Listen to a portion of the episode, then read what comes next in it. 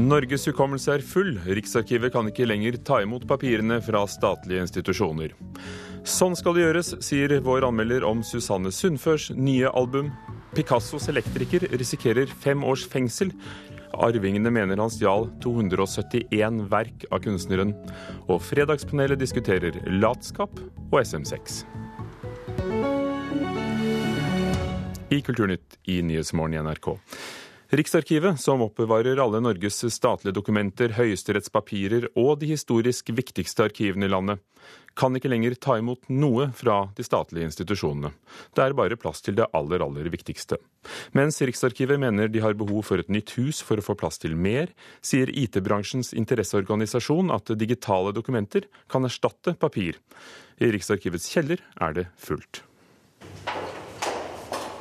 Som du ser, så er det stappfullt her. Dette er en liten brøkdel. Dette er, eh, det er en eh, veldig liten del av våre totale mengder eh, arkiver. Nei, det er rett og slett ikke mer plass igjen til Norges dokumenter hos Riksarkivet. Det forteller riksarkivar Inga Bolstad. Og vi har arkiver i Oslo, og så har vi arkiver på åtte andre plasser da, på statsarkivene våre rundt omkring i Norge. Og det er fullt overalt. Riksarkivet skal ta vare på alle landets statlige dokumenter tilbake til 1100-tallet, og er det Riksarkivaren omtaler som nasjonens hukommelse. Nå er hukommelsen full. De fulle arkivmagasinene er ingen overraskelse, dette var de klar over for flere år siden. Derfor var det planer om å bygge et nytt depot på Tynset, men dette ble stoppa av den blå regjeringa. Nå er arkivet fullt, og bygginga på Tynset har blitt utsatt flere ganger. Det er eh, lenge vært snakk om å bygge et uh, depot. Eh, og det er noe som Kulturdepartementet holder i. Så hvis de klarer å skaffe finansiering på det, da vil mye av uh, Det vil være en løsning der i forhold til papirmengder. For det finnes fremdeles veldig store papirmengder som etter hvert skal inn i arkivene. Men skal vi tro Torgeir Waterhouse i IKT Norge, er det ikke flere bygninger som er løsninga? Ja, altså Noe av utfordringen er også at når man tar beslutninger og legger planer nå, så er man fremdeles stuck i det mindsetet man hadde for, for 70 eller 50 år siden. Og hvordan man tenkte da som var jo dette er en gjenstand, den må ha en hylle å være på. Det vi heller må gjøre er å tenke ok, hvordan er det vi skal ha det foran oss? Hvordan vil det være om 50 år? Og hvordan kan vi begynne å legge til rette for det i dag? Når vi kommer dit, så er det det digitale vi trenger noen få gjenstander på papir som vil ha verdi for selve papirgjenstanden, men det er ytterst få i forhold til totalen. Men digitalisering av Riksarkivet tar tid. Så langt er 2% av de 250 000 hyllemeterne digitalisert. Ifølge Riksarkivaren er det dermed behov for fysisk plass. Statssekretær i Kulturdepartementet Bjørgulf Vinje Borgundvåg kan ikke si noe om når finansieringa av et nytt bygg kommer på plass. Han forteller at både de og Arkivverket, som har ansvar for Riksarkivet, jobber for å finne en løsning. Arkivverket jobber parallelt med dette for å innføre digitalisert avlevering. Eh, og Det er de i full gang med å jobbe med, og det vil komme parallelt med at vi vil utvide arkivkapasiteten så snart som mulig.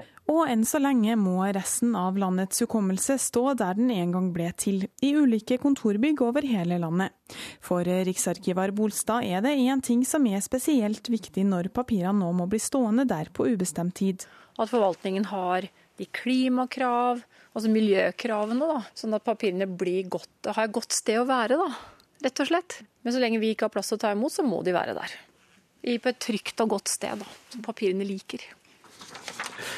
Og reporter her var Runa Rød.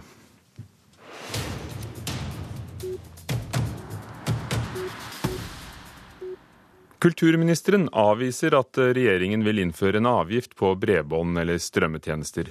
Det sa hun etter å ha møtt film- og TV-bransjen og bredbåndsleverandører i går. De diskuterte hvordan film- og TV-produksjon i Norge skal finansieres når inntektene fra DVD-salget blir borte. På forhånd trodde flere at regjeringen ville foreslå en avgift på nettopp bredbånd og strømmetjenester, men det avviser Toril Vidvei. Vi har ikke diskutert noe avgift, for det, det, vil vi prøve å unngå. Det har aldri vært en eh, forutsetning for å diskutere avgiften. Det er det enkleste man kan gjøre, det er å pålegge noen eh, en avgift. Det vil vi unngå, det er ikke det regjeringens politikk. Vi er opptatt av hva de kommersielle aktørene kan være med og bidra med. Og Det har de nå tatt initiativet til sjøl, til et eget møte for å diskutere forretningsmodeller framover. Landets største mediekonsern avsluttet fjoråret med et underskudd på over 100 millioner kroner. I fjerde kvartal legger Schibsted frem et driftsunderskudd på 52 millioner kroner. Det er betydelig svakere enn på samme tid i fjor, da tilsvarende resultat var på nesten 1 milliard kroner.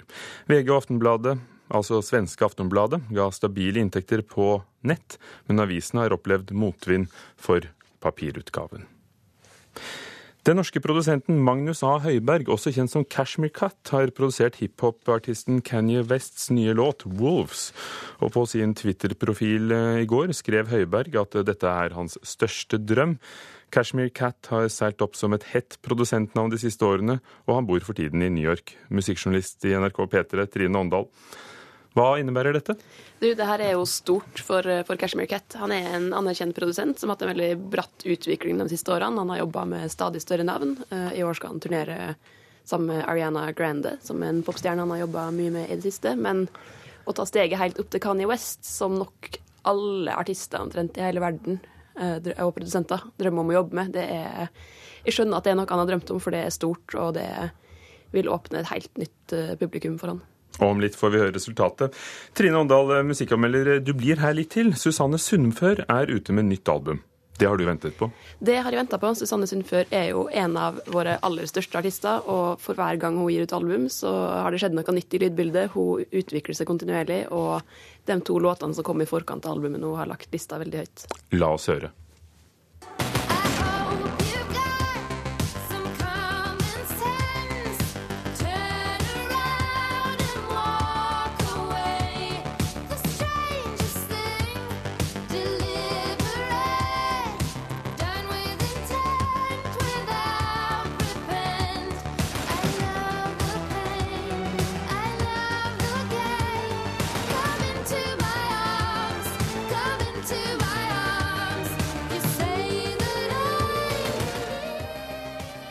Delirious fra platen som heter Ten Love Songs. Tre år etter forrige album eh, har Susanne Sundfør eh, laget dette. Er det en god plate, Trine Åndal? Det er en vanvittig god plate. Det er en ganske annerledes plate, samtidig som den føles som en veldig naturlig utvikling i, i kunstnerskapet til Susanne Sundfør. For hver utgivelse har hun tatt inn mer og mer elektronisk i musikken sin, og nå er hun på ganske mange av låtene helt over i elektropopland. Samtidig så er det veldig sånn gjenkjennelig sunnførsk med litt sånn uh, foruroligende undertoner og mye mørke og ganske sånn avanserte komposisjoner innimellom. Uh, men samtidig så er det hakket mer tilgjengelig enn det har vært før, og det kan nok uh, gjøre at enda flere vil være interessert i å høre på albumet enn tidligere. Hun skriver låtene selv, tekstene selv, og nå har hun produsert selv. Kan du høre det? Ja. Og har vært koprodusent på, på, den forrige plata, men hun har hatt ansvaret helt sjøl. Og jeg syns jeg hører at uh, hun har en sånn slags ro og kontroll i stemmen, som kanskje er der i enda større grad enn tidligere. Uh, samtidig så er jo uttrykket ganske annerledes enn det har vært før, og merker at hun har blitt påvirka av uh, samarbeid med Røyksopp, blant annet, som hun har hatt de siste årene. Så ja, jeg tror man kan merke at hun nå har produsert sjøl. Og Susanne Sundfør er jo en kunstner. Hun gjør jo alt sjøl, som du sier. Og det er sterke tekster og er utrolig god musikalsk. Og hun er nok en av de artistene vi kan regne med i veldig mange år fremover. Sterke tekster, sier du. Hva handler det om? Eh, albumet heter jo Ten Love Songs. Så, Ti kjærlighetssanger. Så, ja, så det handler jo om kjærlighet. Men eh, det er ikke din vanlige listepop-kjærlighetsmusikk det her. Det er ofte litt sånn mørke, destruktive undertoner.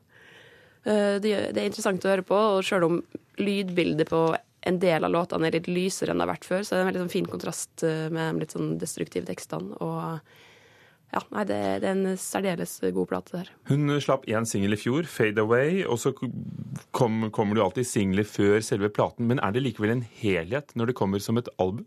Ja, det, det er det. Og det er noe av det jeg syns er et av de fremste kvalitetstegnene ved Sundfør, er at nå kan hun i løpet av et album lage radiovennlige og fengende elektropoplåter, samtidig som hun kan gi rom til lange, mer krevende låter. Hun har bl.a. en låt her som hun har skrevet sammen med franske M83, eh, som heter 'Memorial'. Den er ti minutter lang, lener seg ganske mye mot eh, klassisk musikk. Susanne Sundfør har jo jobba med å sette opp store verk også tidligere. Et høydepunkt, kaller du den? Ja, kunstnerisk sett så er nok det liksom et høydepunkt. Og det er en selv om det kan føles som en litt utilgjengelig låt, så ligger det en sårbarhet der hele veien som gjør at den er lett å identifisere seg med. Den skal vi høre på litt her til slutt. 'Memorial' fra Ten Love Songs. Trine Åndal, musikkanmelder på p3.no. Kan, kan, vi lese anmeldelsen din? Der gir du også terningkast. Hva ble det? Det ble terningkast seks. Det her er et utrolig sterkt album.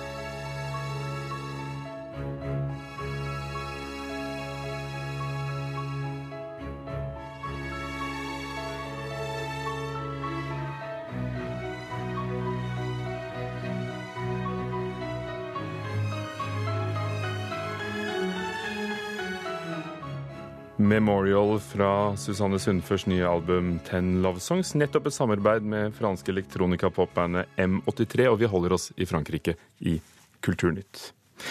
Rettssaken mot Picassos gamle elektriker avsluttes i Grasse i Frankrike i dag. Den 75 år gamle Pierre Le Guenec er saksøkt av Picassos arvinger. Elektrikeren er anklaget for å ha stjålet 271 originalverker fra Picasso, og kan dømmes for å ha gjemt stjålne gjenstander i 40 år. Han risikerer fem års fengsel. Dette hadde jeg aldri ventet å bli behandlet som en tyv, sier elektrikerens kone. Je ne m'attendais pas à ça du tout. Surtout de traiter mon mari de voleur, euh, chef de la mafia. Euh, du rendez compte, c'est grave hein, ça. Jag hade aldrig kunnat drömma om att man skulle anklaga oss för att vara tjuvar eller maffialedare. Man får inte hitta på sådana här saker, för det är allvarliga anklagelser, säger Danielle Lugunek, elektrikerns hustru. Det handlar om en enorm skatt, en skapelse av Pablo Picasso bestående av 271 originalverk og som värderas til mellom 500 millioner kroner og en miljard kroner. Den idag 75-årige elektrikeren Pierre Le sier at han fikk dem i present 1972. Ved denne tiden installerte han el i Picassos villa i sydfranska staden Mougin. Konstnären dog året därpå. Lugenek arbetade med elinstallationen i tre år. Picassos sista hustru, Jacqueline, blev vän med paret. En kväll när elektrikern skulle gå hem ska hon ha sagt Varsågod, här får du. Verken låg i en kartong, osorterade. Under närmare 40 år lät elektrikern Picasso-skatten ligga hemma i garaget. Till sitt försvar säger han att han inte hade en aning om att verken var så värdefulla. Det var när han behövde pengar för att betala en operation häromåret som han lät konstexperter vid företaget Picasso Administration värdera verken. Men där väcktes misstankar Picasso-familjen med sonen Claude Picasso i spetsen har gått til hård attack mot pensionärsparet och de anklagas nu för att ha stulit verken och sedan gömt dem i 40 år. De misstänks också vara inblandade i en maffiakedja som smugglar värdefulla konstverk utomlands. Monsieur och Madame Le Guenec polisanmäldes och arresterades av polis. De riskerar nu upp till fem års fängelse. Paret säger sig vara oskyldiga deras advokat berättar för media att elektrikern aldrig sålt ett enda verk under 40 år, trots att han haft pengabekymmer. Detta är inte ett beteende som utmärker en tjuv, säger han till sin klients försvar. Maja Picasso, dotter till konstnären, tror dock inte på paret Le Guenec.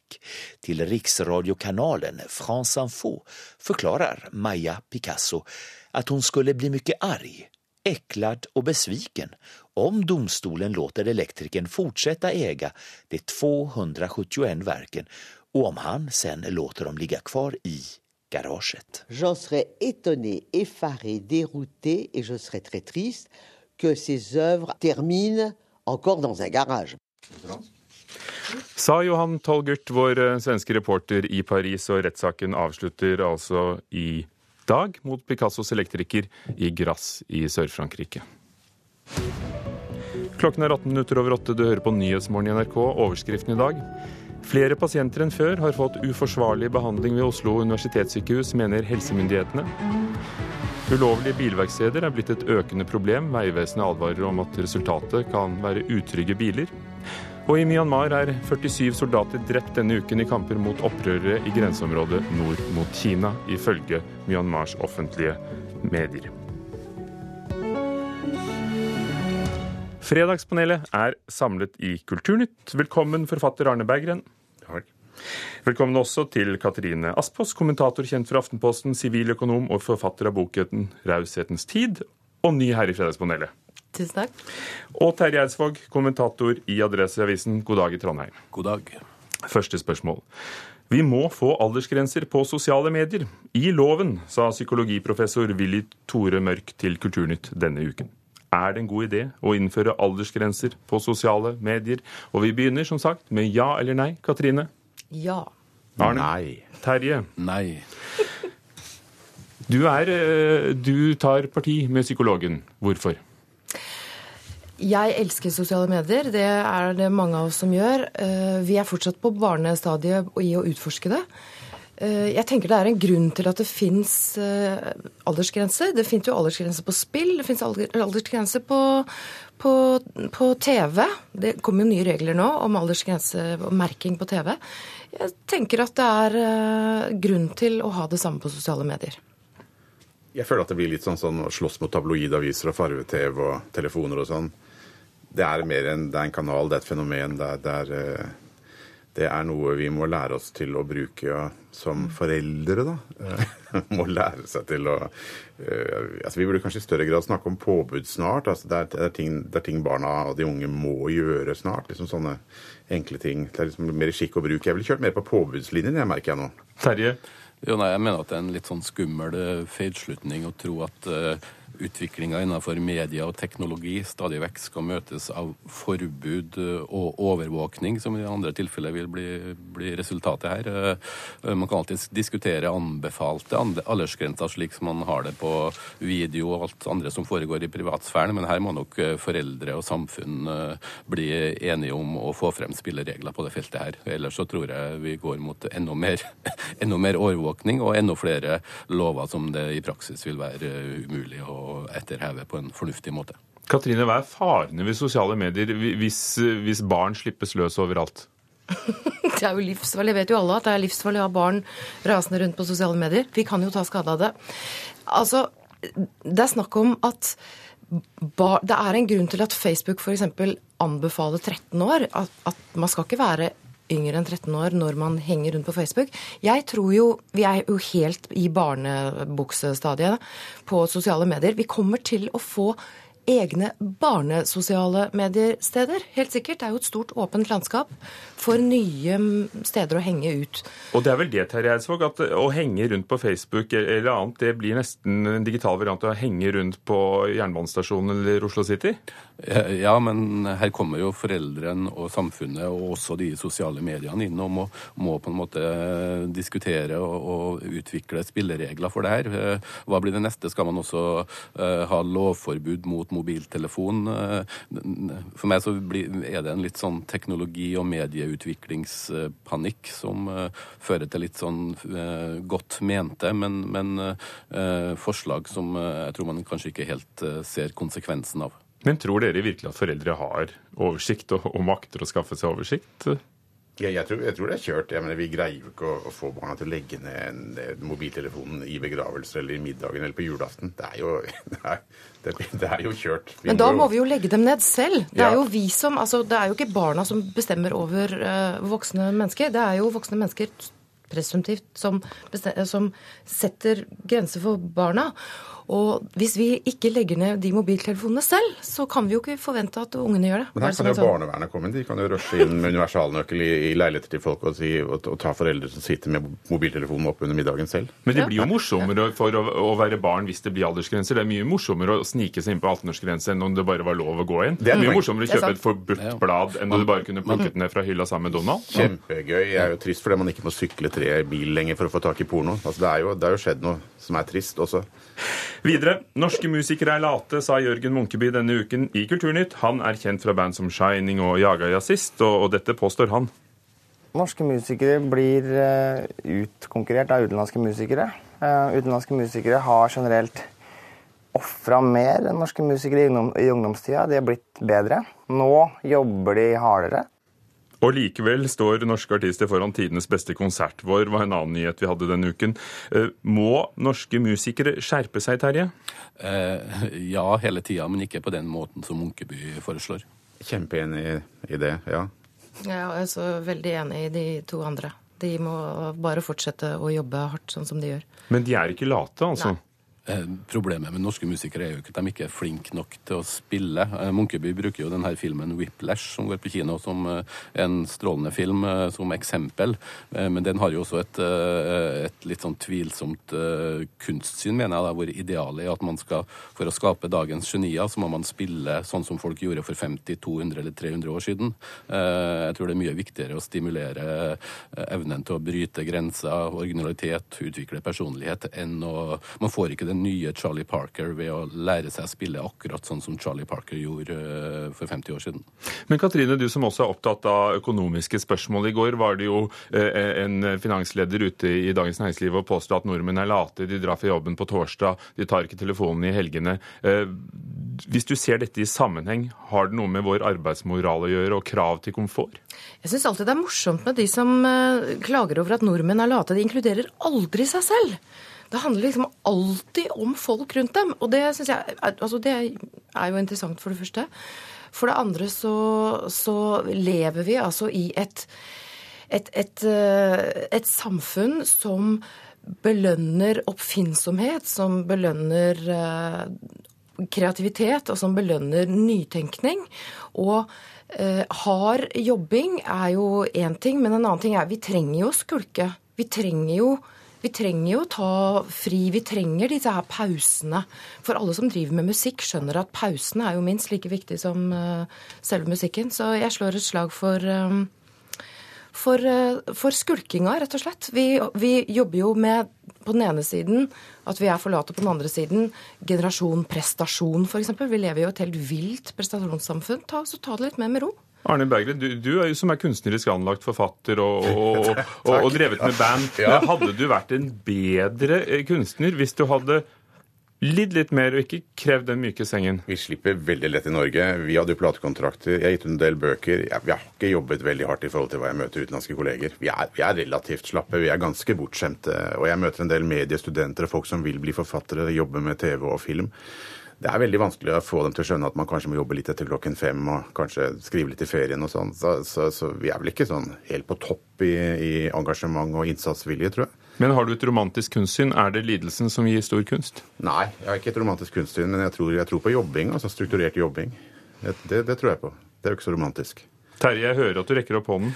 Ja, nei, jeg, det, eh, Debatten til Munkeby springer jo ut av eh, behovet for hard jobbing, og det er jeg helt enig i. Jeg tror mange kanskje forventer at, eh, at suksess og synlighet skal på en måte At det har man fortjent, men å jobbe hardt. Men nettopp det der med å øve og terpe på å bli mest mulig lik noen andre, det er det som jeg mener at man også må stimulere mye mer til særpreg, originalitet, og det må man også jobbe knallhardt for. Men at det der at man skal man man skal bli liksom flinkest mulig til å spille sånn som noen andre har spilt.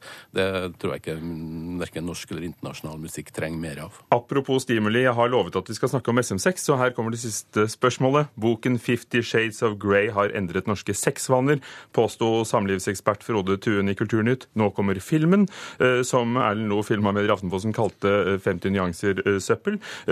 Selv uten å ha sett den, vil filmen virke positivt eller negativt på nordmenn? Katrine? Positivt. Negativt. Terje? På kort sikt positivt. Har du sett filmen, Terje? Nei, dessverre. Jeg, jeg, jeg må nok se den siden det er jobben min. Men, men, grunnen til at jeg er litt nølende i positivt, er jo at for en kort periode nå så vil vi folk kanskje snakke og diskutere film og sex litt mer, og kanskje langrenn, TV og regjeringa litt mindre.